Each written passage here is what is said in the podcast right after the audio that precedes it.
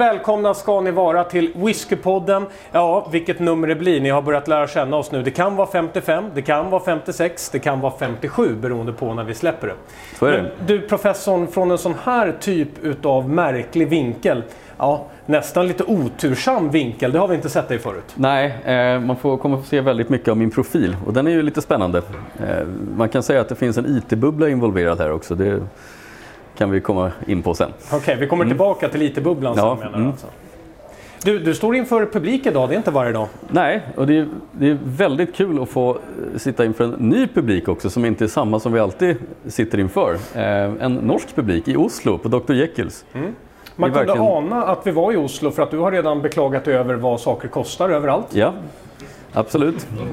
Burger King-priset, är det något du vill lägga ut ord om? Nej, vi, vi kan passa på det. Jag kommer in på det sen när vi ska titta på vad de här whiskyna vi provar här kostar i Sverige respektive Norge. Och det är inte riktigt så självklart som man kan tro att det bara är dyrare här. Det är, det är faktiskt lite annan varians. Det ska bli spännande. För de som inte har lyssnat på Whiskypodden tidigare och inte har lyssnat, lyssnat på vårt norska avsnitt, vill du ge en eh, klassisk pitch elevator för vad Dr. Jekylls är? Dr. Jekylls är kortfattat Oslos bästa whiskybar. Det är så enkelt det är. Punkt. Punkt. Så, Bra. kanske Norges. Jag har inte varit överallt i Norge. Men eh, om du inte har prövat något annat och det här är den bästa måste det ju vara Norges. Då måste det vara Norges bästa whiskybar. Bra. Då Med ett de, fantastiskt sortiment. då kan de sätta ut en guldmedalj utanför sen när du Ja, går. det är bredvid Tripadvisor där så är det professorn rekommenderar. Det är den första baren på jorden som har fått professorn rekommenderas. Det, det känns extremt bra. Men du, idag så ska vi ha ett tema vi har tagit upp tidigare. Mm, det ska vi. Eh, Men idag blir det lite speciellt för det blir en större provning, det blir mer publik och det ska bli kul att höra vad de eh, tycker och tänker. Eh, Vi har med oss ett antal No Age Statement whiskys, eller hur? Precis. Eh, Det är en, en lina med ganska varierande eh, no age statement ska man säga. Det är inte direkt från en viss stil eller en viss typ, utan det är väldigt blandat. Eh, och det ska bli väldigt spännande som du säger att höra vad publiken tycker om det här. Vill du presentera vad det är vi ska ha i dagens flight? Det kan jag gå igenom lite snabbt. Vi kommer pröva en eh, NAS från Tomatin, en Legacy. Vi kommer pröva Glenfiddich IPA. Vi kommer pröva Glenlivet Nadurra. Bowmore Vault Edition number one. Vi har här borta en Iliage som det uttalas. Och eh, naturligtvis den hederliga Korivräken från Ardbeg. Och vill man som vanligt eh, gå i lite stäv med dig om hur saker och ting uttalas så är det bara att ropa ut hur man själv tror att det uttalas. Vi har också folk som hör av sig från Skottland ibland om hur uttalet är Ja. men professorn är bestämd på att han har rätt. Ja, jag brukar rätta dem när de har fel. Så är det med det. Så bra. Du, vill du börja lite med vad är No Age Statement Whisky då för de som inte har lyssnat tidigare på podcasten? Mm. No age statement, det är ju egentligen att det inte finns någon åldersangivelse på whiskyn. Det står inte att den är 12 år eller 15 år sådär som man kanske är van vid, utan det står något mer eller mindre fantasifullt namn, som till exempel Korivräken eller Eh, IPA som det heter från Glenfiddich här. Eh, och det betyder egentligen att det enda vi vet om den, det är om det står singelmålt, ja då är den från ett destilleri. Eh, men vi vet inte så mycket mer än att den är lagrad mer än tre år och en dag. Allt däröver kan ju faktiskt vara i flaskan, eftersom vi inte vet. Men när man blir inbjuden hit och man säger att temat är No Age Statement Whisky, då får man ju ändå tanken om att det här är ju en väldigt het fråga, just nu i alla fall. Ska det vara No Age Statement? Ska det vara Age Statement? Men professorn, det här är ingen nytt va, historiskt? Nej, alltså det här med age statement är kanske mera nytt än att man har no age statement. Eh, historiskt sett när man dricker whisky, och det här kan ju du berätta om, särskilt från eh, om man går riktigt långt tillbaks i tiden, så finns det exempel på det. Eh, hur såg du till exempel i Sverige i slutet av 1800-talet? Du som är våran numera whiskyhistoriker. Mm, härligt att få det Ja, epitetet. ja, hur såg det ut då egentligen i, i Göteborg i slutet av 1800-talet? I Göteborg där man tillverkade Sveriges första whisky i slutet på 1880-talet så påbörjade man då produktionen utav den. Då vet vi från skrifterna där att man har fått en eh, tydlig instruktion från skottarna om att en whisky måste lagras i minst fem år. Nu får vi komma ihåg att på 1880-talet fanns ju inte regelverket om eh, tre år och en dag som inte uppfinns ens på nästan, jag tror att det är 60 år till va, innan vi får det regelverket. Eh, och på den här tiden så var det så att majoriteten utav flaskor hade ju ingen åldersangivelse utan den hade ju ett namn, gärna med The Great eller The Mighty innan så man visste att det var en riktigt, riktigt bra whisky. Ja, kvalitetsstämpel. Ja. Eller Royal för den delen. Ja, Royal går bra. Mm. Nej, det är ju först eh, senare. Jag skulle ju säga att i, i min, om jag gör en bedömning när det här med age statement blev viktigt så var det ju i det här skiftet mellan att man Eh, började dricka single malt whisky någon gång där 60-70-talet kanske eh, och blended inte längre kanske var det trendigaste att dricka. Då blev det ju viktigt att särskilja sig från, från eh, blended whiskyn och ett sätt att göra det på det är ju att man har ett age statement och ingenting ska ju vara yngre än 10 eller 12 för det här ska ju vara bra, det bästa kvaliteten. Så att det är någonstans där det blev marketable att använda sig av age statement. Så det blev den nya standarden. Vänta, du, du, pratar om marketable nu. Har vi inte alla samma förkärlek för, för whiskyn? Du menar att folk tänkte på något som har marknadsföring också? Ja, det, det är mycket så. Det kommer mycket tillbaks till NAS som det ser ut idag. För det bedömer jag är av samma anledning. För att det är kanske lättare att marknadsföra en Ardbeg Korivreken, the mighty Korivreken, än det är att marknadsföra en Ardbeg 11. Mm. Jag kommer för övrigt skicka den posen du hade nu till mm. Ardbeg och se om de kanske plockar upp den vid, vid tillfälle. Du, jag tänkte att du ska få presentera första whiskyn för vi kommer ju komma tillbaka till No Age Statement så det bär så att säga. Men om vi inte börjar nu så kommer du aldrig ta slut. Nej, så är det. Så kommer jag ta slut menar du? Eh, ehm, ja, den första whiskyn det är ju en Tomatin Legacy. Ehm, och Tomatin det är ju ett destilleri som eh, kanske inte är ett av de mest kända. Även om det kanske lite grann borde vara det. Mm. För att det här destilleriet de levererar väldigt mycket till blended whisky. Så de är inte så jättekända som Single Malt, även om ni säkert har hört talas om det. Men det är inget stort household name som Glenlivet eller Glenfiddich. De är betydligt större. Men levererar väldigt stora mängder till blended-industrin. Som ett exempel då kan man ta, alla här inne antar jag vet vilka Ardbeg eller Lafroig är. Eh, produktionen då som Tomatin har är fyra gånger vad, vad Ardbeg har. Då förstår man ungefär storleken som de producerar på. De har inte heller så mycket gammal vätska, professorn. Nej, eh, det här är ju affärsidén att, eh, att producera mycket whisky. Men det finns ju alltid de gamla faten. Det finns lite, lite grann till single malt-marknaden också. Och det ser vi ju från Tomatin. De har ju en core range med single malt precis som, eh, precis som de flesta andra destillerier. Eh, de startade 1897 och eh, den här, just Legacy, här är det en väldigt intressant prisskillnad jag skulle vilja prata om. Okej, okay. är, mellan... är, det Norge och Sverige nu? Ja, det är no mellan Norge och Sverige. För att den här kostar på Vinmonopolet kostar den 589 kronor. Mm. Och i Sverige kostar den 330 kronor. Så det är ganska stor, ganska stor skillnad. Eh, och, och, då tänkte jag först att jaha, är, norsk, är whisky i Norge så mycket dyrare än i Sverige? Men det visade sig lite senare när vi jämförde att så, det är inte riktigt sant. Utan den här råkar vara eh, väsentligt billigare i Sverige. Och det för mig, det berättar ju att råvaran, alltså själva det som är i den här, kan inte vara jättedyr whisky. Om den kan gå att sälja för 330 kronor i Sverige. Mm, Okej. Okay. Och hur får man fram det då, nu när du nosar lite på den? Vad känner du för någonting? Ja, jag känner ju det jag kallar för en typisk whisky. Och med, är... med typisk whisky då menar du multi-style? Ja, multi-style. Det här är inte några sherrytoner, det är inte några rökbomber i den här utan den här är en väldigt renodlad eh, maltstil. Men man känner också en viss träpåverkan i den här och det kan ju komma sig av att den här är lagrad på två olika sorters fat. Eh, den är lagrad både på bourbon eh, och på Virgin Oak-fat. Eh, och nu vet inte jag vad det är för typ av Virgin Oak, men Virgin Oak, alltså ekfat som det inte har lagrats någonting i tidigare, de kan ge lite olika karaktär beroende på vad det är för typ av ek. Och då måste man nästan smaka för att avgöra det faktiskt. Mm. Okej, okay, vad trevligt. Ja. Professorn bjuder in till en skål, så skål då. skål.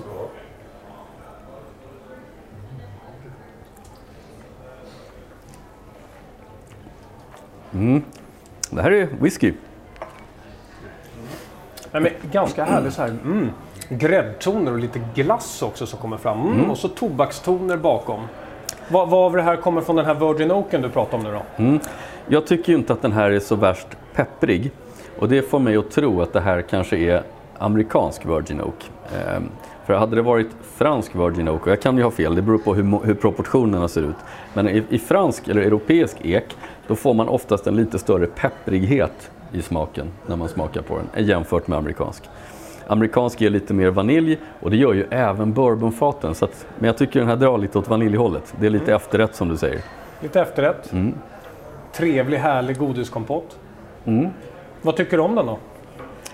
Den är, den är väldigt lättsam. Eh, på sommaren skulle det här kunna vara riktigt bra.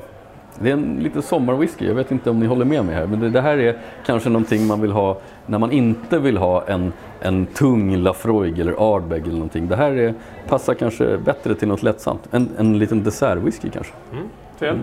Du, du ska springa och kolla batteriet nu. Nu ska jag ju då säga samtidigt som jag gör det att om någon var här bara för att lära sig skolan i hur man håller en whiskyprovning så fick ni precis lära er nu. Man börjar med att man tar ut alla sina egna toner, sätter sin egna värdering och sen säger man Håller ni med? och så alla jo, jo det, var, det stämmer nog precis. Det var ju så experten sa. Ja, ja, men det är väl lite grann mitt modus operandi för whiskyprovningar. Men Tomatin, alltså om man tar det, för alla de andra märkena är betydligt mycket mer kända. Det finns ju en industri bakom det här som man inte alltid talar om och som har med No Age Statement att göra också. Mm. Och det är ju blended-industrin som vi, som vi nämnde lite grann. Eh, Tomatin, deras, eh, de, de, som ligger bakom Tomatin, de har ju bland annat ett, eh, en blended whisky som heter Talisman, som säkert finns här i Norge också och som säljer i väldigt stor volym i eh, Sverige och Norge och runt om i världen.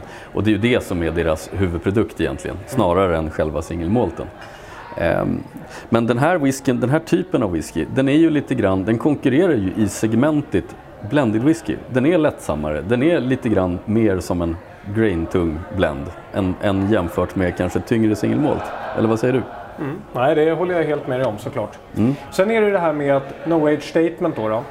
Eh, vi har ju haft en period nu där alla whiskydestillerier, känns det som i alla fall, de börjar expandera. De har expanderat kraftigt senaste åren. Det pratas om att man gör mer vätska idag än vad man någonsin kommer behöva. Men mm. det är inte riktigt heller hela sanningen va? För det är inte bara tanken att det är vi i Norden som ska konsumera. Nej, eh, så, så, är det ju. Eh, utan whiskymarknaden växer ju kanske inte längre mest i Norden utan den växer kanske mest i Asien skulle jag hävda. Mm. Där finns det en jättemarknad som fullständigt har exploderat när det gäller eh, europeisk och amerikansk whisky. Så att, eh, det, är ju, det är ju exporten som driver det här i hög grad, inte så mycket vad vi tycker här. Mm. Medan vi tar fram nummer två då, då så, så undrar jag lite just gällande det. Eh, framtiden, för jag menar någonstans anledningen till att vi fick No Age Statement det var väl för att whiskyn helt enkelt tog slut. Varför gjorde den det? Ja, vi var ju inne på det där. Att eh, dels så finns det ju en, en, en, anledning som är att det är lättare att marknadsföra en cool story än det är att marknadsföra en siffra naturligtvis. Men, men naturligtvis är ju drivkraften att det har varit svårt för destillerierna efter den här whiskydöden på 90-talet bland annat att upprätthålla lager där man kan i volym leverera 10-årig, 12-årig, 15-årig whisky. Eh, och då kommer man ju på det här att återuppliva NAS-konceptet i högre grad. Eh, så det finns ju lite olika drivkrafter bakom NAS eh, och jag menar i grunden finns det bra anledningar och dåliga anledningar till att man gör NAS. Mm. Okej, okay. vi, mm. vi, ska komma in på dem också. Mm. Men till att börja med så har vi ju den här jätte, jättefina flaskan. Jag tror att de flesta känner igen formen på flaskan. Det är naturligtvis Glenfiddich vi talar om. Och du, Glenfiddich, de har ett alldeles speciellt sätt att förhålla sig till NAS, för det har varit lite upp och ner va? Ja, det har det ju. De har ju haft en, en del äventyr i NAS-branschen. Eh, och den här, den är ju faktiskt en av de nyare NASarna. Eh, ett tag kunde man ju hitta en massa olika eh, NAS-utgåvor av varierande kvalitet på taxfree och andra ställen. Vi behöver inte uppehålla oss vid dem, de, de är inte så kul. Men eh, den, här tillhör, den här tillhör The Experimental Series från, från Glenfiddich som är en lite nyare linje med utgåvor, NAS-utgåvor där de flesta är väldigt, väldigt hög kvalitet. Mm. Och väldigt gamla också. Eh, just den här, den är väl faktiskt, om inte jag har fel, den billigaste i serien. Ja, eh, stämmer. IPA. Ehm, så, men, men fortfarande, det här är faktiskt, hela serien är, är väldigt, väldigt hög kvalitet, bedömer jag. Mm. Vi ska gå in på serien, men jag tycker att vi börjar med att dofta. Ja, jag ser hur du sitter, mm, men när får man börja dofta då på den? Jo, det får man göra nu. Och för de som redan har gjort det så får man gärna pröva också. Ah, det är ganska oh. härlig citrus i den här, i den här Glenfiddich-citrusen. Glenfiddich har en helt egen ton, är det inte så? Den kommer även igenom i nasen så mm. den måste sättas tidigt. Vill du beskriva den här tonen? Jag har, jag har faktiskt lite svårt att sätta ord på den, men den är väldigt Glenfiddich-typisk. Eh, även här har vi ju en ganska maltdriven whisky eh, som eh, har bara fått lätta influenser. Vi ska säga att IPA, för er som inte vet det, betyder att den har en finish på eh, IPA-fat, alltså ölfat, där man har slutlagrat den här. Men det är väldigt försiktigt, det är väldigt försiktigt avtryck i den här så den har väldigt mycket av Glenfiddich-signaturen. Den här, den här lättsamma men ändå rätt tydliga eh, smaken. Eh, maltdriven med en, en viss trevlig Glenfiddich-sötma skulle jag nästan Mm. säga. Men, men den här IPA-tonen då, om man inte hittar den, vad, hur doftar den i glaset? Ja, jag kan ju kanske plocka upp lite lätt humle, lite gräsighet från, från eh, IPAn men det är väldigt försiktigt i den här. Då smakar vi då. Skål! Skål!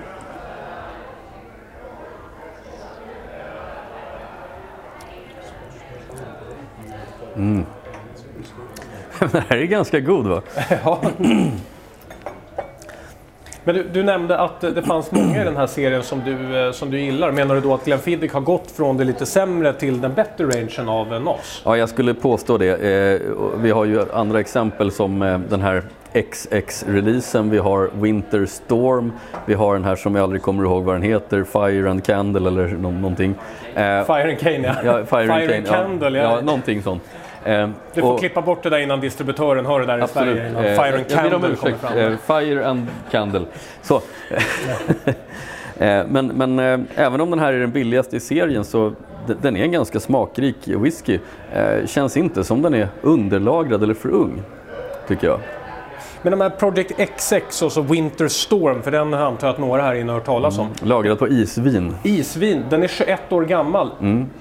Varför står inte det högst upp på flaskan då? Det står ju faktiskt lite längre ner om man tittar i finstilten. Varför, varför slänger man inte upp det där då? Ja, det är ju väldigt spännande. Eh, och jag, vill ju, jag skulle gärna vilja säga att jag tror att det beror på att man vill göra en ärlig, jättebra utgåva. Det är lättare att marknadsföra den som Winterstorm än som 21, men jag tror inte riktigt på det. Utan jag tror tyvärr att drivkraften till det, om jag ska vara lite elak, det är att man vill visa att man kan göra jättebra NAS. Så man kan sälja IPAn som är mycket billigare och i samma serie och säga att jo men titta den är också jättebra, det är också experimental series. Men det betyder inte att det är något fel på den. Det betyder inte att det, att det är kanske helt oärligt ändå. Jag tycker att det är ärlig whisky, den är värd sitt pris. Okej, Mm. men prisvärdhet, för nu nämner du det här att den är värd sitt pris. Mm. Eh, hur ligger den här i förhållande till exempelvis Glenfiddich 12? Och nu får vi ju tyvärr ta svenska priserna här, vi kan inte norska prislistan i huvudet ännu. Och jag kan inte, Professorn jobbar på jag det. kan inte Glenfiddich 12 i huvudet heller, det, det är väl det värsta.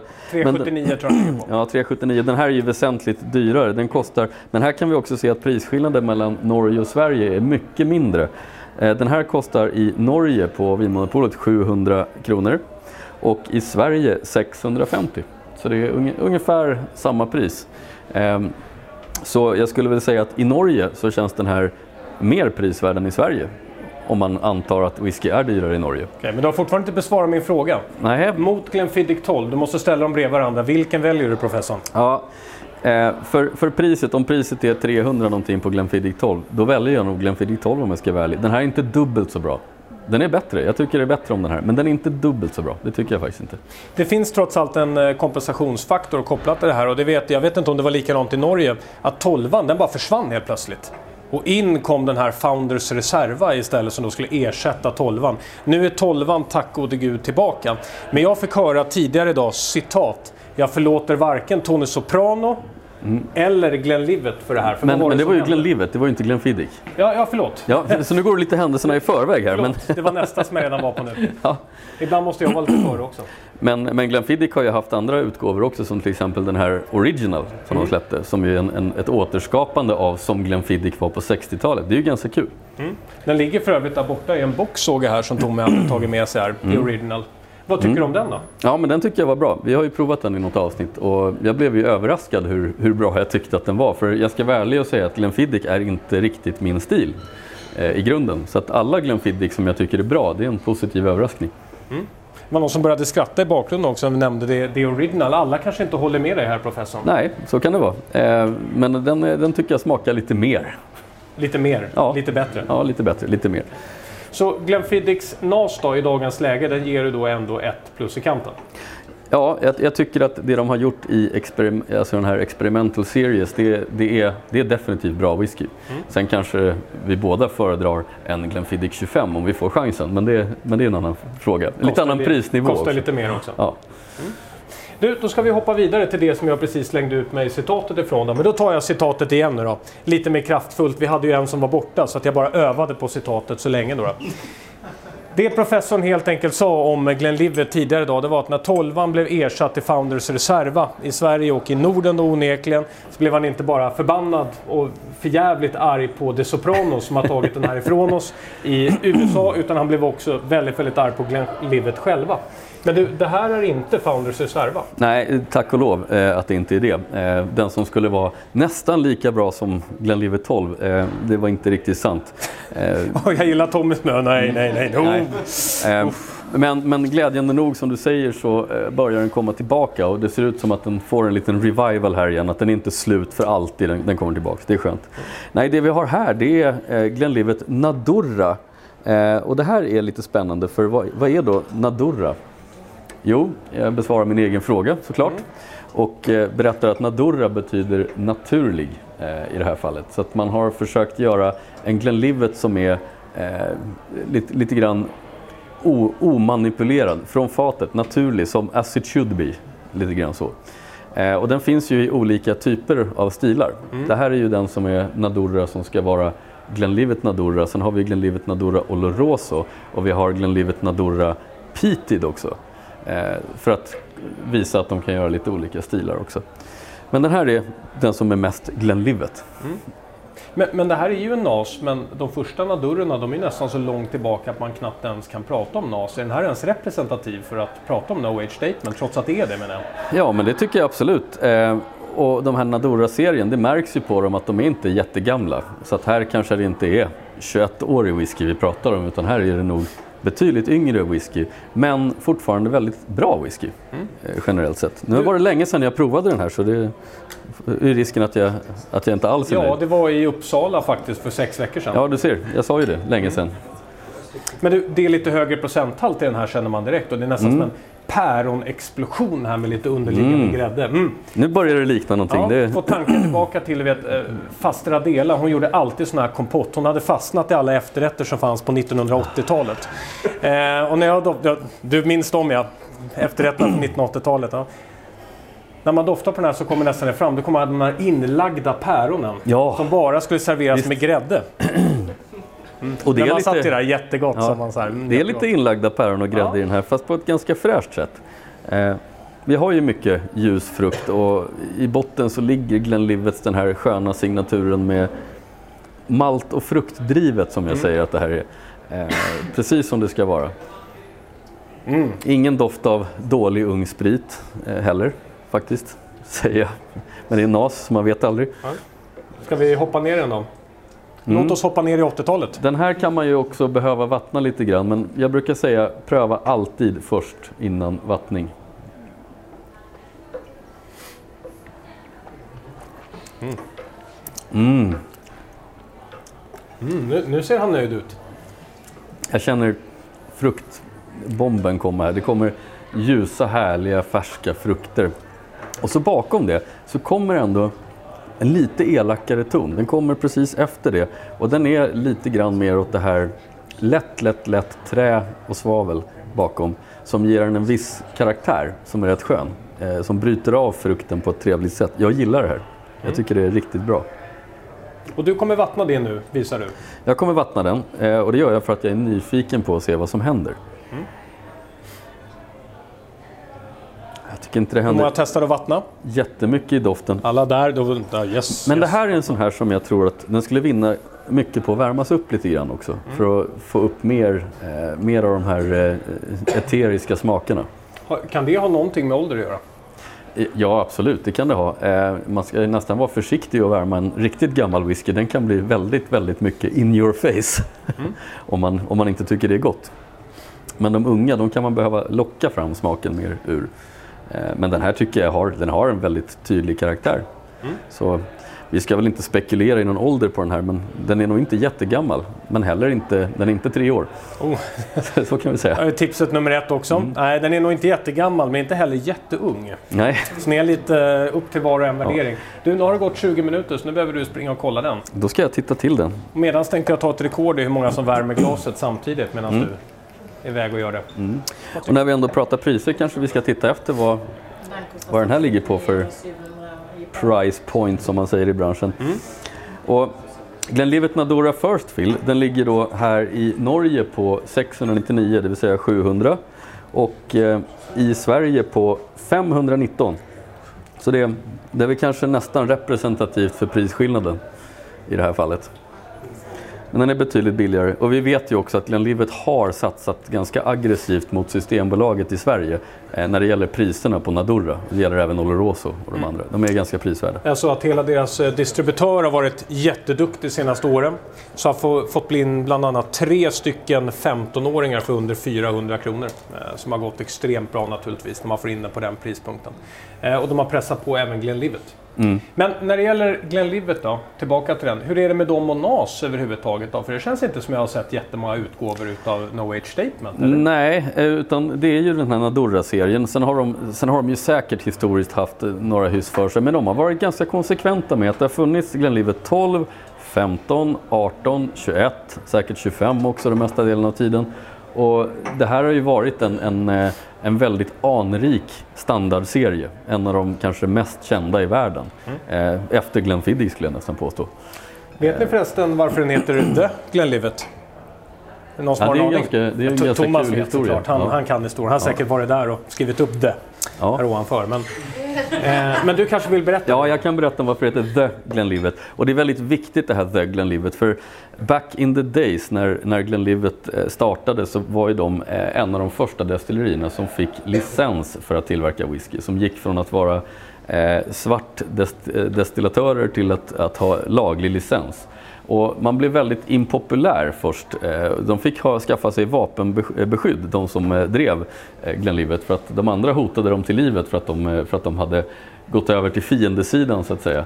Eh, Och resultatet blev ju naturligtvis att de kunde ju fokusera på sin vätska och göra bra whisky istället för att gömma sig för polisen. Eh, Så att kvaliteten gick ju upp radikalt på Glenlivet ganska snabbt. Eh, och då blev ju de andra, de, de, eh, när de fick sin licens då, då insåg ju de att de hade ett försprång på Glenlivet så de kallade sig också Glenlivet. Glenlivet är ju namnet på platsen där destilleriet ligger och det ligger flera andra destillerier på samma plats så de kallade sig också för Glenlivet. Eh, och då blev det till slut eh, lagstiftat att The Glenlivet får bara original Glenlivet heta. Sen får de andra kalla sig Glenlivet eller From Glenlivet eller eh, allt sånt där. Men, men The Glenlivet, det det är den riktiga Glenlivet. Hela bara vägen till, heta. jag hört talas om Glenlivet. Ja, Vi ser på flaskan, ja. All the way. Next to Glenlivet. Vad väljer du då? Väljer du de här framför Age Statement från Glenlivet? Ja, det, är, det är en svår jämförelse. Jag menar, jag kanske skulle Det- det är välja den därför där. vi är här. Ja, men jag skulle nog ja, säkert välja den där framför 12 eh, Kanske framför 15 också i vissa, vissa dagar. Men går vi upp mot eh, 18, 21, 25, ja, de, de, de har en annan dimension. Citat, en eh, plats där, vad var det nu, där eh, en väg slutar och där livet slutar, eller hur det var? Ja, det var du som sa det tror jag. Ja, det är ett citat från 18 i alla fall. Mm, Det var det, en sen kväll när vi spelade in det i alla fall. Men jättebra avsnitt för övrigt, lyssna gärna. ja, Glenlivet-avsnittet. Okej min vän, du, nu ska du få hoppa över till rökigt och då är det väl inte mer än rätt att du faktiskt presenterar vad det är för någonting vi har. För nu är vi nästan i moderskeppet av nasar. Har man inte prövat en nas härifrån och det är första gången idag, då säger jag att ja, då har ni missat. För att härifrån så kan det ha kommit rekordmånga No Age Statements. Absolut. Nu är vi ju på Bowmore såklart. Eh, det kända japanska destilleriet från Ayla. Ja, Eh, Eller, eller kanske ja, japanskt som i ägandeskap, inte så mycket i whisky. Det här är ett, ett lång, långtida traditionellt destilleri. Ehm, och eh, precis som du nämnde, de här har hållit på med nasar väldigt länge. Ehm, men jag skulle hävda att det Bomor har gjort, till skillnad från många andra, är att de har egentligen delat upp sig i två olika destillerier. Ett som håller på med nasar och ett som håller på med sina klassiska age statements. För de har också alltid genomgående haft sin 12, 15, 18 och så vidare. Ehm, men så har de samtidigt gjort för taxfree-marknaden eh, Mariner, eh, Sands, Rock, Salt, eh, I don't know. Det är mycket konstiga utgåvor. Och som faktiskt bara blivit sämre och sämre genom åren. okej, Eh, tack för den. Bemore sitter och lyssnar nu och säger Ja, mm. men, och då kommer det stora mennet, för sen kommer en sån utgåva som den här, Vault Edition, där man faktiskt har återgått till kanske det man borde ha gjort från början, nämligen en bra NAS. Eh, så att den här, och den här kostar ju inte heller som de här billiga Mariner för 300 kronor, utan den här är ju lite dyrare. Eh, Och jag blev ju väldigt positivt överraskad för jag var väldigt skeptisk till, till just den här. Ska jag säga, när den Okej. kom. Men du, då börjar vi dofta på den och så samtidigt så skulle jag vilja ställa lite frågor om ditt hat kring Bumor. Eller nej, inte hat menar jag inte. Men du, du la ganska mycket värderingar i orden där. Vad Absolut. du sa. Du kallar dem Sams och Slush och Ja, allting som jag exakt. har hört genom, Ja. genom åren. Ja men det här var bra whisky från början. Innan de började plocka bort age statement. För de var, en del av dem var åldersangivna från början. Och sen plockade de bort det och så hette den bara det ena och det andra. Men, men menar du att den blev för ung? Eller för dåligt blandad? Eller vad menar du när du säger att den blivit dålig? Ja, alltså Bowmore har ju en väldigt bra vätska i grunden. Man kan göra fantastiska saker med Bowmore. Eh, och att göra då sådana här styggelser som går att hitta på taxfree för 250 kronor liten. Eh, det är inte värdigt. Man, det, är att, det är att sälja vätskan innan den är färdig eller på fel sätt. Det, det är helt enkelt inte, det är inte vettigt. Det kan man göra med ett destilleri som inte kan göra bra vätska. Inte med Bowmore, det tycker jag är synd. Vad känner vi på nosen i den här då? Bowmore. B- Bowmore? Ja. Okej, tack. Ditt jobb börjar gå ut för känner jag som expert att Ja. smaka, smaka Bowmore tycker jag. Ja, nej men det är klart man kan sitta och, och ta ut eh, tus, tusen smaker, i, eh, tusen dofter ur den här. Men det är just det som är poängen med Bowmore. Att Bowmore har, förutom en väldigt egen signatur, som nästan är till och med egen för att vara Ayla, eh, så är ju känslan att du får väldigt mycket olika dofter. Det är som, det är som att stå i eh, byn Bowmore och lukta på hela omgivningen. Det, det är både havet och det, är- det, det är nybakat bröd och det är, det är rökighet och det är lite, nästan lite avgaser också. Ja, det, det är lite blandat. Det är en väldigt mixad stad. Man jobbar tydligen med väldigt Ja. många olika industrier. Så, om jag förstår rätt. Ja, men det här är faktiskt som att vara lite tillbaks i Bowmore på Ayla och dofta på hur det känns runt omkring. Den är väldigt ärlig mot där den kommer ifrån. Geografiskt stiltypisk kanske man skulle säga. Okej, ska vi smaka då? Mm. Och sen tänkte jag kuppa dig om det är okej. Jaså, jaha. Ja, ja det, låter, det låter kul.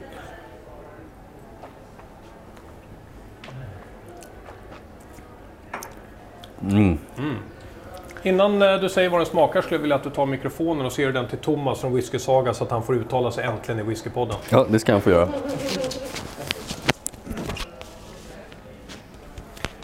Varsågod Thomas. För de som då inte ser Thomas nu så kom det då en fråga tidigare om eh, men när ska Thomas vara med egentligen i Whiskypodd? Då hade jag redan planerat det här så då satt jag och tittade ner i glaset och le- lekte lite så här. Mm, nej, det kommer han aldrig få vara. Eh, Men idag har vi med Thomas. Thomas, vill du berätta vem du är? Ja, jeg heter eh, Thomas Ørbom. Jeg er en um, whiskynerd. Selverklært sådan. Jeg har drevet en blogg som heter Whisky Saga i syv år. Eh, skrevet et par tusen artikler. Og smakt noen whisky. Og uh, syns det er gøy. og det er en stor lidenskap som jeg liker å dele med andre. Och nu när du prövar Bomoren, vad känner du i smaken? Håller du med professorn? Smakar och doftar Bomor? Eller hur ligger det egentligen till? Ja, dessverre. D- dess, dessvärre, du är inget fan av Bomor menar du då? Nei. Varför inte? Bomor er klart svakest på Ayla, om du spør meg. Altså. Det, nei, den, den når bare ikke helt opp. Det er, det er noen grønne toner her gjennomgående som jeg ikke helt blir venn med. Eh, så hvis jeg skal til Ayla, så er det Bunnehaven og Lafroig og Killoman som er på topp. Okej. Ja, så det är en total sågning därifrån alltså? Altså, til å være Bomor så er det brukbart. NAS-whisky då, om du, om du nu måste välja. Bomor med åldersangivelse eller inte åldersangivelse? Jeg syns Nas er eh, helt ok. Altså, det viktigste er at det er en, en god whisky, og at man opplever som forbruker at kvaliteten på det man får, står i stil med prisen man har betalt. Så jeg lar meg ikke provosere av at whisky er Nas. Jeg syns Nas kan være helt fantastisk noen ganger. Bra. Bra. För Hoppas att du inte håller med professorn senare för det blir ett dåligt program. Det får vi snart se. Professorn, du får hämta tillbaka din mikrofon. Tack Thomas. Tack. Du eh, professorn, efter att ha lyssnat lite på Thomas här så undrar jag om inte Whiskypodden borde ersätta dig med någon som har lite starkare åsikter kanske? Ja, det säger du varje avsnitt. Kvar är du ju. Ja, kvar är jag ju fortfarande. Eh, ska vi ta och berätta lite grann om vad det är för pris på den här, kanske? Eh, för det här är en av de dyrare i sällskapet. Eh, vi har eh, ett pris i Norge på 1029 kronor. Eh, och i Sverige när den fanns där på 1003 kronor. Så nästan samma pris faktiskt. i Sverige och Norge. Ser det som en aktion nu. Hade ni köpt den för 1029? Nej, nej, nej, nej, nej kommer där. Det är många som säger nej. Ja, jag håller med. Du håller med? Ja, den är, den är, jag tycker den är väldigt trevlig för en Bowmore, men den är inte 1000 kronor trevlig. Okay. Men varför har man paketerat den så här och gjort den så fin och säljer den till det priset? Onekligen köper ju folk den här, eller hur? Du, kan man sälja de här, eh, vad de nu hette för någonting, de här Golden Rocks och Sands och så vidare för 500 kronor flaskan, då kan man sälja den här för 1000. Jag tror faktiskt att du var nära nu. Det är inte Golden Rocks, jag tror det är Golden Reeves. Men det var, Ja. det, var det närmaste du har varit på en, på en NAS från alla fall. Okej. Ja, men jag måste kommentera Thomas där, det var en väldigt bra observation att det finns något grönt i Bowmore. Eh, jag, jag har inte reflekterat över det så mycket, men det är nästan lite grönt te i smaken faktiskt. Bra, mycket bra uppsnappat. Kanske kommer tillbaka till det du sa från början, det enda japanska på Ayla. Ja, precis. Grönt te. Okej. Mm. Bra, vi får med oss många skratt idag i alla fall. Mm. Om programmet var dåligt skrattar vi mycket i alla fall. Det är så Exakt. man får tänka. Okej hörni, jag tittar på klockan och det är ju alltid, som det alltid är så rullar det iväg. Så eh, nu är det dags för den här som ingen människa förutom du professorn kan uttala. Så berätta nu, vad heter den? Iliach. Ilyach. Ja. Eh, och det betyder, om jag inte har fel, mannen från Ayla. Mannen från Ayla. Mm. Så det är en man från Ayla som har skapat den här då? Ja, nu, nu det, finns det risk för att, jag har försökt ta reda på det här innan eh, programmet, men vi tror ju att det är Sukinder Singh som har skapat den här. Är det så? Det är Sukinder? Ja, vi tror det. V- Vem, vem är det då för de som inte vet vem Sukinder Singh är? Ja, Sukinder Singh är en helt galen indier som eh, bor i, eh, i Storbritannien, i Skottland, eh, vad jag vet. Som eh, driver en, en stor whisky-business där. Han har ju bland annat Whisky Exchange. Ja, eh, Whisky och har grundat Whisky Exchange. Och eh, eh, har skapat en massa olika independent bottlings och labels i eh, Skottland. Eh, jag tror Iliach, jag är lite osäker på den, men han har definitivt skapat bland annat Elements of Isla. Han har skapat Port Ascaig eh, och andra ganska kända eh, Isla-relaterade äventyr. Och nu ryktas det ju, eller ja det är lite mer än rykten, att det kommer ett destilleri också Ja. eh, ett, eh, som Sukinder startar. Enligt, enligt uppgift så är han vansinnigt rolig, att, eh, kul att träffa eh, och, och har ett väldigt genuint whiskyintresse. Stämmer. Och Mm. han har ett favoritdestilleri vet jag, för vi hade intervju med en av hans assistenter för ett tag sedan. Så därför tänker jag mig att i nästa avsnitt, han och Thomas i en bur och pratar Bowmore. Ja, Det skulle kunna bli något, för att han har sagt att om han fick välja någonting till en öde ö skulle han ta med sig hela Bowmore-destilleriet. Mm. Vi... vi kan få se. Men Ja. du, eh, Ilyach här, då blir man lite förvirrad för att det här är ju ändå en Ayla. Nu, jag skickar runt flaskan här om det är okej Tommy, får man se. Det står ju Ayla på den här. Mm. Men det här är ju inget destilleri. nej det är det ju inte. Och Ayla har ju en liten, en liten gammal historia faktiskt. Det här är inget nytt att, att Ayla har haft hemlig whisky. Det har de haft i många år. Eh, Iliach är en av dem, en betydligt äldre som har funnits länge på Ayla, det är ju Finnlagan som inte heller är ett destilleri. Eh, och de här brukar fungera så att de olika destillerierna de, de eh, turas om och leverera singelmål till de här utgåvorna. Eh, och så kallar man det för Finnlagan. Det, det är bra whisky helt enkelt. Eh, och Aylaborna själva dricker gärna Finnlagan. Eh, därför de vet att det kommer ju från ett av de bra destillerierna. Det kan variera lite hur det smakar men, men eh, det är inte så konsekvent. Så kan man säga. Men, men det finns en, en, en ganska lång, lång historia med sån whisky. Så vi vet inte vad det är, men eh, den här Iliach, den finns faktiskt även som en cask strength, en sån utgåva. Och den vet man, eller vet åtminstone jag, 100% säkert att det är en Lagavulin. Det här skulle jag säga, det kan vara en Lagavulin eller en Cool Jag har lite svårt att bestämma vad det är, men det, det är någon av de två. Det är min, min, eh, min tydliga åsikt. Va- varför skulle de då ge bort sin whisky och sätta under ett helt annat brand som vi har i det här fallet? Ja, dels är det här ganska ung whisky. Eh, så att man har tagit fat som är eh, tillräckligt mogna för att ge en skaplig Isla whisky med mycket rök. Men inte så unga så att det bara blir råsprit eller tråkigt. Så det, det, det, det är ju därför, och då vill man ju inte ha sitt namn på det här kanske. Man vill inte att den här ska ställas mot Lagavulin 16 eller Cool Isla 12 utan den ska, den ska ju vara sitt eget brand. Det, det finns ett överskott på yngre whisky.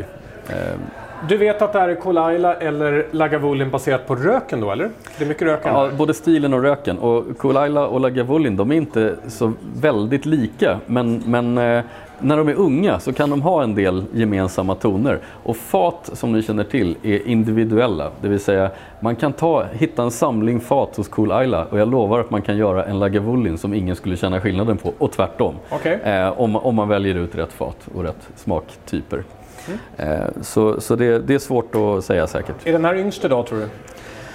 Iliagen, eh, jag skulle säga att det, det är den eller möjligen Tomatin som är yngst, men sannolikt är Iliagen yngst. Eh, och det baserar jag på att den är kraftigt rökig.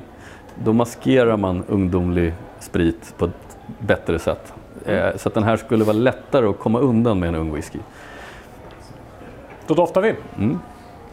Om ni inte redan har gjort det, det brukar vara så när vi har podden, sitter alla så här, mm, ja, ja, då doftar jag igen då. Ja. Nu är vi mer inne på den här Ayla-stilen som, som Thomas nämnde, som han gillar, som är lite mer havet och lite mer kära och lite mer torvrök. Lite som vikingaskepp, eh, det där vi känner igen från eh, Lafroig och Lagavulin och sånt. Det är lite mer den stilen. Men det är en single malt, så vi vet att eh, det är inte någon blend som till exempel Ayla Mist eller Ayla Times och vad de nu heter. De här som försöker göra en Ayla-lik whisky men som är blended. Ska vi smaka på den då? Mm.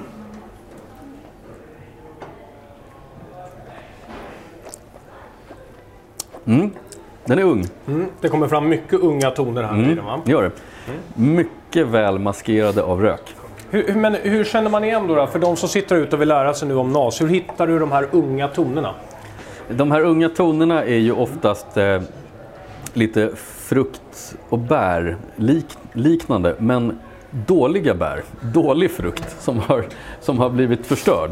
D- dålig bär och dålig Ja. frukt som har blivit förstörd. Och det kan också ha lite jästkaraktär i, i smaken. Och allt det här det är väldigt lätt att maskera med rök. Det försvinner nästan helt och hållet. Så det är väldigt praktiskt. Går även att maskera med sherry. Väldigt effektivt. Så därför så ser man ju ofta en NAS som är väldigt mycket sherry eller väldigt mycket rök. Den är antagligen ganska ung. För den behöver inte vara så gammal för att nå den här smaken. Vad tyckte ni om den här? Ni jämför? Oh, det, det här blir ju tufft nu, för nu har ju redan två experter uttalat sig och sagt att den här var ju ja. Men om ni jämför de här två då, vilken tyckte ni var bäst? Den? Ah, Okej, vi behöver inte ta upp en till då. Vi upp på morgonen. Ja, den, jag gillar den här. Jag tycker att den är, den är väldigt nära min husstil i whisky som ju i grunden är Lafroig eh, och Ardbeg. Och det här det är den ganska här är relativt billig va? Den är enkel att få tag på. Ja, vi ska kolla. Eh, jag är inte så säker på att något av det stämmer i Norge. Eh, han visar där eh, 555 och det stämmer ju bra. Det är exakt vad den kostar i Norge. I Sverige så är det här en av de mest bästsäljande eh, singelmålterna med ett pris på 310 kronor. Så här ser, man, här ser man skillnaden då, att det här är alltså... Ja, ja precis. Strömstad, here we come. Ni är varmt välkomna. Ja. Nästa show håller vi där. person. Mm. Men för det priset, för 300 kronor, så är det här en, en enastående bra whisky. Eh, även om den är ung. Jag tycker den är väldigt ärlig för sin prisbild. Sen kan inte jag riktigt bedöma om 555 är, ett, är det billig whisky i Norge? Vad säger ni? Är det, är det en billig whisky? Det är billig whisky. Det är billigt. Okej. Men Relativt. 300 är en väldigt billig whisky i Sverige för en singelmalt. Men en rak fråga till er, för nu sa du att nu är du inne på ärlighet. Nu har du nämnt ärligt tre gånger tror jag på en Mm. minut. Hur är det med, med ålder då? Är det en angivelse för kvalitet? För det är ju den vanligaste frågan man får. Är en 18 bättre än en 12? Nej. Är en åldersangivelse bättre än en NAS? Eh, nej, så kan man inte säga. Eh, vi kommer tillbaks till lite grann med min åsikt om det här med eh, en NAS som är evil och NAS som är good. Eh, Man borde ha en liten, lite plakat på de här. Ja, man borde kunna ha en sån stämpel. This is evil NAS, this is good NAS. Nej, men det beror på vad anledningen till att man gör NASen. NAS, om man tänker efter, ger ju en möjlighet att skapa en whisky som man inte kan göra på något annat sätt. Om jag vill ha eh, trätonerna och ålder, ålderdomen från en 25-årig Glenfiddich och så vill jag ha lite ljus, ljus fruktighet från en 7-årig Glenfiddich och så blandar jag ihop dem. Då måste jag sälja den som en sjuåring. Och det är naturligtvis det är väldigt svårt att marknadsföra det för kanske 1500 kronor i flaskan. Därför det skulle vara en Glenfiddich 7. Och då förstår jag att man kanske inte vill sätta en åldersangivelse på det. Men man kan lika gärna använda NAS för att sälja fem år gammal whisky som knappt är färdig med tung rök eller tung sherry. Den går att dricka den är inte särskilt bra. Och så sätter man ett lite för högt pris. Men vissa säger då att det blir som att lura konsumenten, att inte mm. sätta en uh, åldersangivelse. Mm. Uh, för nu var du inne här på att jag kan inte sätta en sjuårsstämpel och ta 1500 kronor. Blir inte det samma sak som att lura en konsument? Nej men det är inte det, därför att det, det finns olika smaker vid olika åldrar. Och vissa, alla smaker på ung whisky är inte dåliga. De går jättebra att använda för att krydda en whisky. Eh, om man tittar på en riktigt gammal whisky, den kan vara träförstörd till exempel. Och då kan man ju till exempel ta den som en krydda, lägga ihop den med andra åldrar. Och du frågade också, är åldersangivelse en garanti för att det är bra whisky? Absolut inte. Eh, vi kan ta Bowmore som exempel. Det, jag gillar att ta Bowmore som exempel här. för att Bowmore har ju för inte så länge sedan släppt en parallellserie till sin age statement där de har två olika 18-åringar, två olika 15-åringar, en bra och en dålig. Eh, och, det, och, det, är ju jättekonstigt, varför skulle man göra så? Men så gör de. Och För alla er som inte har varit i Oslo som tittar där ute så kan jag säga att här sitter också Bomore Hate Society. Ja. Finns här på Dr. Deckel så då kan man besöka mm. när man vill. De sitter i en bur en trappa ner kan ja. man gå in och prata med. Men det är väldigt, det är väldigt illustrativt över att åldern är ingen garanti. Alltså, jag vågar nog säga att de som gillar den ena sortens A-statement från Bomore, de gillar nog inte den andra för de är ganska olika. Och, ja. Okej, okay, nu, nu, tar vi den sista professorn, nu orkar jag inte mer längre. Nej, nej, jag förstår. Du, vi, eh, vi ska avsluta återigen på Ayla. Jag kommer att tänka på det att det är en ganska traditionell provning även för att vara vi. Ja. Vi, har faktiskt blivit duktiga på att sticka ut och ha med mindre och mindre rök. Vi har mer maltighet, mm. mer sherry idag när vi har provningar, vi har mer världswhisky. Men idag har vi gått ganska traditionellt. Har du några kommentarer kring det eller bara blev det så? Ja, men det känns lite grann som att eh, det blev så utifrån, utifrån eh, eh, den här typen av provning vi skulle hålla med NAS. Det blev mer traditionellt och det kanske är också eh, smartare urval för att det här är ju ändå whisky som eh, man kanske känner till men inte nödvändigtvis har provat all. Eh, och det tycker jag är ganska bra representativ istället för att man ska gräva ner sig i några obskyra utgåvor som ingen kan få tag på. Mm. Nu ska du få tala om en, eh, om en whisky som är nästan mytomspunnen, i alla fall när mm. det kommer till eh, sina nasar. För du pratade om marknadsföring tidigare. Kan man då lyfta fram någonting annat än Ardbeg med den storytellingen man haft runt sina olika whiskys? Gärna med en reklamfilm med allt från Alligators, Maneaters, ja. The Mighty korvräcken. I dived and survived. Precis. De har lyckats bra med sina NAS-satsningar, mm. måste man ändå säga. Hur kommer det sig då? Vi har varit igenom ja, Bowmore då, då, bland annat, som vi inte var så nöjda med. Eh, hur kommer det sig att Ardbeg lyckas så bra? Ja, det, är ju, det är ju det återstartade Ardbeg redan från början som har förstått värdet i bra marknadsföring och att bygga en, en skara följare och berätta historier för den skaran följare. Det är ingen som tror på att det här är verkliga historier, men de är underhållande. Det, det, de har lagt till underhållningen till whisky. Eh, och det tror jag är ett framgångsrecept. Plus naturligtvis att de gör en fantastiskt bra whisky. Mm. Det ska man inte komma ifrån. Det här är kanske det enda destilleriet jag känner till som lyckas släppa en sexårig pre-release som idag kostar flera tusen kronor flaskan att få tag på. Och det är, inte för att, det är inte bara för att den är sällsynt, den är faktiskt jättebra också. Ardbeg sticker ju också ut mot sina andra, ja, lite kollegor som man har på Ayla, förutom möjligtvis Kilchoman då, då mm. med att man har ju en tioårig age statement och resten är faktiskt NAS som man har i standardutbudet. Så de har fyra stycken i standardutbudet, mm. tre stycken är NAS. Ja. Vill du berätta lite närmare om den här korvräckan? Absolut. Eh, det är så här att de här NASarna det, fokus ligger hela tiden på storytelling. Oftast så är det ju inte ens något särskilt man vill lyfta fram som att det är någon viss typ av fat eller någonting annat utan det, det är bara den här utgåvan den ska smaka så här och det här är, är storyn om logotypen. Det är lite så man gör. Eh, Korivräcken, den är ju som jag ser det lite grann en... Eh, man hade ju tidigare, de har ju faktiskt haft sin Ogadal ganska länge. Det är ju mm. kanske originalet när det kommer till nasar för, för Ardbeg. Eh, och så har de ju också haft sin 17-åring i en age statement i, många gånger. Men, men Korivräcken är kanske den första moderna standardnasen från, från, eh, från Ardbeg som ska vara lite häftigare än Ardbeg 10. Eh, lite mer smak, lite mer tryck, lite mörkare än, eh, än, än den vanliga tian. Och det illustrerar man ju då med den här malströmmen, The Korivräken, som inte ligger vid Ayla, den ligger vid Jura. Men det är, mm. ja, jag tänker alltid på det att stackars Djura-destilleriet måste ha suttit där och tänkt Fan! Ja, det, det, är till och med så, det är till och med så att Djura har alltså använt Korivräken-logotypen på, på sina utgåvor i många, många år. Tills, och, och nu har Ardbeg tagit den som ett varumärke. Så, så det är synd om Jura. Eh, så är det. Mm. Men, men oerhört framgångsrikt och de första batcharna av Korivräcken de tyckte ju vi var enastående bra. Mm. Ja, men det var de ju. Ja, sen har de ju holkats ur lite grann. Med tiden. gjort. Eh, med tiden har ju också alkoholhalten gått ner lite. Men det är också någonting som sticker ut Ardbeg från många andra NAS. Man tittar på Bomore talade om här tidigare och så liknande. De är ju gärna nedspädda. Men här har Ardbeg valt att gå för cast strength i nästan alla möjligheter man har i alla fall. Mm. Varför det tror du? Ja, men det är för att eh, man, man vet vad man har för följare. Eh, Ardbeg är inget volymdestilleri som man kan tro. De släpper inga stora volymer whisky. Eh, och det gör att man måste se till att vårda sina, sina följare.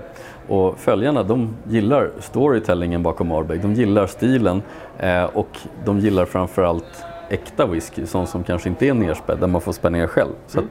man tar det tillfället i akt. Sen gör Ardbeg en del utgåvor också som kanske inte riktigt är spot on när det gäller eh, att träffa sin, sin, eh, sin publik. Men, men det, det, gör ju alla. Mm. Vill du dofta och berätta hur den här är? Mm. Ja, här har vi ju den ganska massiva Ardbeg-röken följd med sin, med sin sötma också som alltid finns där i Ardbeg.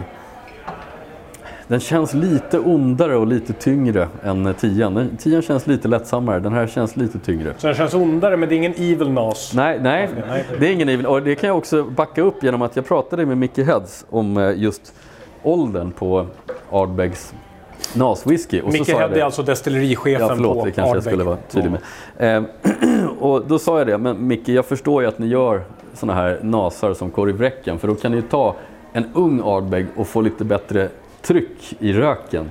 Eh, och så blandar ni den med gammal fin Ardbeg. Så att, eh, min gissning är att det här, det här är ju kanske en 6-7-åring som är, är, blandad med 10 och kanske 13-14-årig Ardbeg också till att få det här. Och då sa han bara det, det finns inte en whisky i korvräckan som är under 11 år. Det var en eh, överraskning för mig. Det är inte säkert att detta stämmer fortfarande. Det här var några år sedan, tre år sedan kanske. Men, mm. men, eh, men då, då var han väldigt tydlig med att det finns ingen whisky i den som är under 11 år gammal. Nej, vi har faktiskt en stor publik som hörde det här, mm. Eh, där han meddelade det. Mm. Vilket återigen får en att tänka varför man nu inte har sagt någon åldersstatement. Ja, Så den, här har vi alltså vara, det från den är ju äldre än Ardbeg 10. Men det är klart, Ardbeg 11 kanske inte låter lika roligt som när man jämför den med Ardbeg 10. Då kan vi köpa 10, den kostar halva priset. På tal om det så måste du nu inför en publik första gången berätta. Du träffade en marknadschef långt, långt tillbaka från Ardbeg men visste inte att det var marknadschefen du talade med. Vill du berätta den storyn? Eh, det är knappt så jag kommer ihåg den storyn. Jag kanske har förträngt den med avsikt här. Eh, var, var det där jag... Ja men vänta, ja du menar den gamla storyn? Mm. Berätta ja, den nu. Åh, nej, jag, ja det var värre än så. Det var, det var ju, eh, det var ju Masterblenden. Ja, okej, okay, det var Masterblenden. Ja. Okay. Mm. Och det här var, jag var på ett Ardbeg-event i Stockholm och så kom det fram någon kvinna till mig som jag inte visste vem det var och frågade vad jag tyckte om Ardbeg Supernova 2010, tror jag mm. att det var. Eh, då sa jag det att ja, det är en väldigt trevlig whisky. Den är, däremot så har ju Masterblenden i den här misslyckats lite grann jämfört med 2009 som var spektakulär. Men den här den är lite tunnare, den är lite klenare. Den missar liksom det här som var så fantastiskt i 2009. Och sa hon det. Well, I agree with you. I'm the master blender.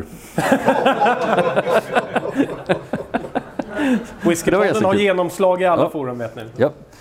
Professorn är inte politiskt korrekt. Så. Mm. Smaken då? Mm. Mm. Oljig, tjock i konsistensen och smaken. Till och med jämfört med Iliage. Det är mycket rök i den här. Mm. Ardbeg ligger normalt på 50 ppm har jag för mig. Och det borde gälla även korvräken. Kan mm. vara kanske ännu mer i vissa komponenter i den. Den har, för mig har en ljunghonung som kommer bakom om man orkar känna den genom röken. Eh, en fin tjock maltkropp också. Men det här är ju, det är ju röken som spelar första fiolen här i mm. den här whiskyn. Men en väldigt trevlig rök som är maritim. Eh, man kan säga direkt nästan att den här kommer från, från eh, östra, sydöstra Ayla. Mm. Det här är väldigt stiltypisk. Och vad tyckte publiken? Tumme upp, tumme ner? Tumme mycket, tumme upp. Okay. Svinbra! Mm. Var den bättre än förra batchen? Ja, Okej, okay. den var bättre än förra batchen Mycket bra. Kanske den är uppe i 11 år igen. Kanske var nere i 10-9 år förra gången. Mm. Det vet man inte. Det är Nej. det som är problemet med NAS. Du, om man skulle ta åldersangivelserna som är närmast de här. Då har väl Tomatin 10, en Glenfiddich 12, eh, Glenlivet 12 va? Mm. Bomor 12 också.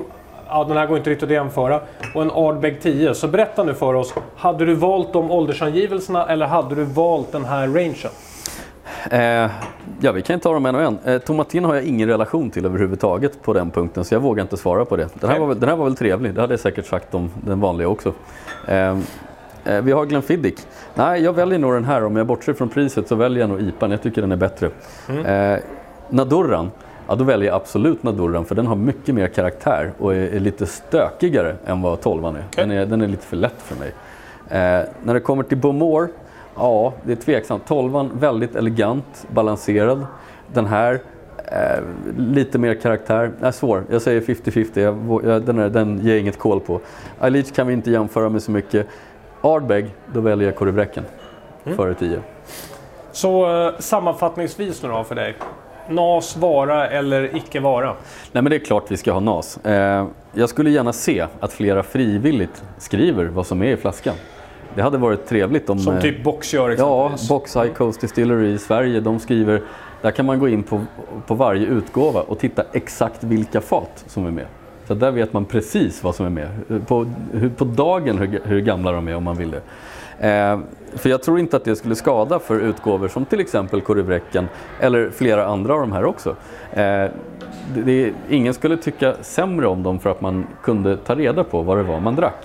Och då kan man ju också faktiskt få göra den ärliga bedömningen. Tycker jag att det är värt eh, pengarna att betala för så här ung whisky? Eller tycker jag att nej men det här var ju väldigt, väldigt mycket värde för pengarna för åldern. Men i slutändan så är det ju smaken som styr. Så nej, det är klart vi ska ha NAS. Annars kan vi inte göra sån här whisky. Mm. Så summa summarum, NAS är bra ja. för whiskybranschen? Och jag tror att det också är viktigt för whiskybranschen för att överleva. För att under sådana år när det är brist på eh, gammal whisky, när, när det inte finns tillräckligt 12-årig whisky för att göra sin standardutgåva, vad ska man göra under tiden? Lägga ner destilleriet eller sälja NAS? Det är lite de alternativ man har. Och på det sättet så ser jag ju hellre att destillerierna finns kvar än att man säljer åldersangiven whisky. Mm. Okej. Okay. Men gärna, gärna innehållsförteckning, det skadar inte. Nej. Professorn, har du haft en trevlig kväll? Jag har haft en mycket trevlig kväll. Bra. Har publiken haft en trevlig kväll? Ja. Så härligt. Nu, då skulle jag bara vilja ta och tacka till publiken som också har suttit och kollat på oss. Eh, och med de här sista orden kommer jag lämna er. I höst så kommer det förhoppningsvis vara ett nytt evenemang här. Då har Tommy lovat att han bjuder på sju stycken single casks när vi är tillbaka. Wow! Det ska bli ett superevenemang tycker jag. Ja. Så tack nu till er alla. Skål! Godnatt! Skål! Skål!